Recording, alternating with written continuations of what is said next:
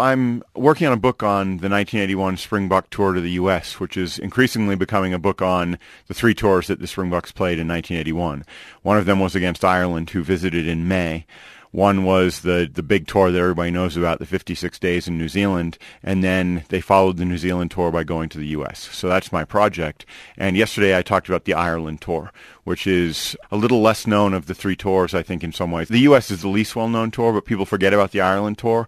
If they do know it, it's for the most significant moment, which was Errol Tobias making his debut in Springbok colors. Dit was in 1997 dat Derek Catsam die eerste keer met rugby te doen gekry het. I was at the Rat and Parrot in Grahamstown, and a number of my friends played on the rugby team and they kept saying try out try out try out and i'd been a college athlete uh, just a few years before i was in pretty good shape. I'd been working out a lot and they kept encouraging me. And one night apparently they got one beer too many into me and i agreed to go out and try out. Dit was ook in hierdie tyd dat hy met die uitdagings van verandering in suid-afrikaanse sport gekonfronteer is. In a time when you were still well early on in the process of transforming i got to see some aspects of it that that weren't always that savory in terms of racism and sexism and homophobia and things like that. So I, I grew to love the sport and then became a fan of South African rugby in particular, uh, both the, the national side and also of Super Rugby and following Currie Cup and so forth. So I became a fan, but also took it on more and more seriously the deeper I dove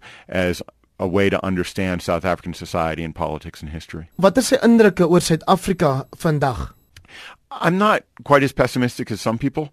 I think in a lot of ways, I see a vibrant country. I see a country that really has a lot of the institutions that you still need. Uh, still a fundamentally independent judiciary. Still a fundamentally independent and vibrant press.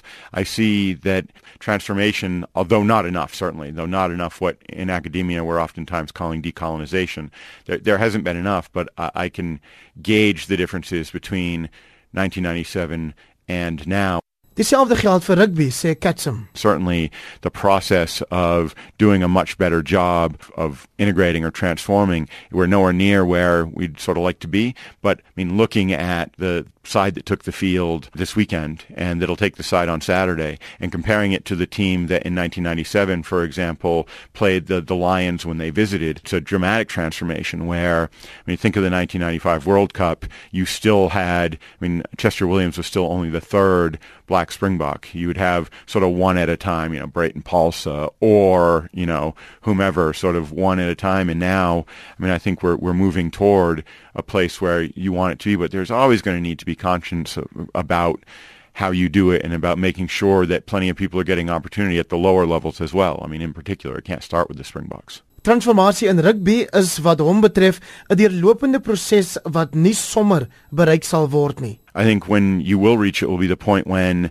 we don't notice what the racial makeup of say the Springboks are. Die skuld vir transformasie word egter steeds te dikwels voor politiek se deur gelê. So immediately they say, oh, that's a political choice, which is really nonsense. I mean, the selectors have dozens of really quality players who are worthy of a Springbok cap, and they make decisions based on a whole number of factors, of which transformation or sort of racial equity in the squad is always just one of them. So a lot of people use sort of as excuses and frankly give a much shorter leash, for example, to black players than they do to white players. And I think that's a factor that a lot of people frankly, the politics of transformation are of the people accusing rugby of politics and not of actually the rugby folks themselves who are trying to make the best decisions for any given side that they're trying to pick.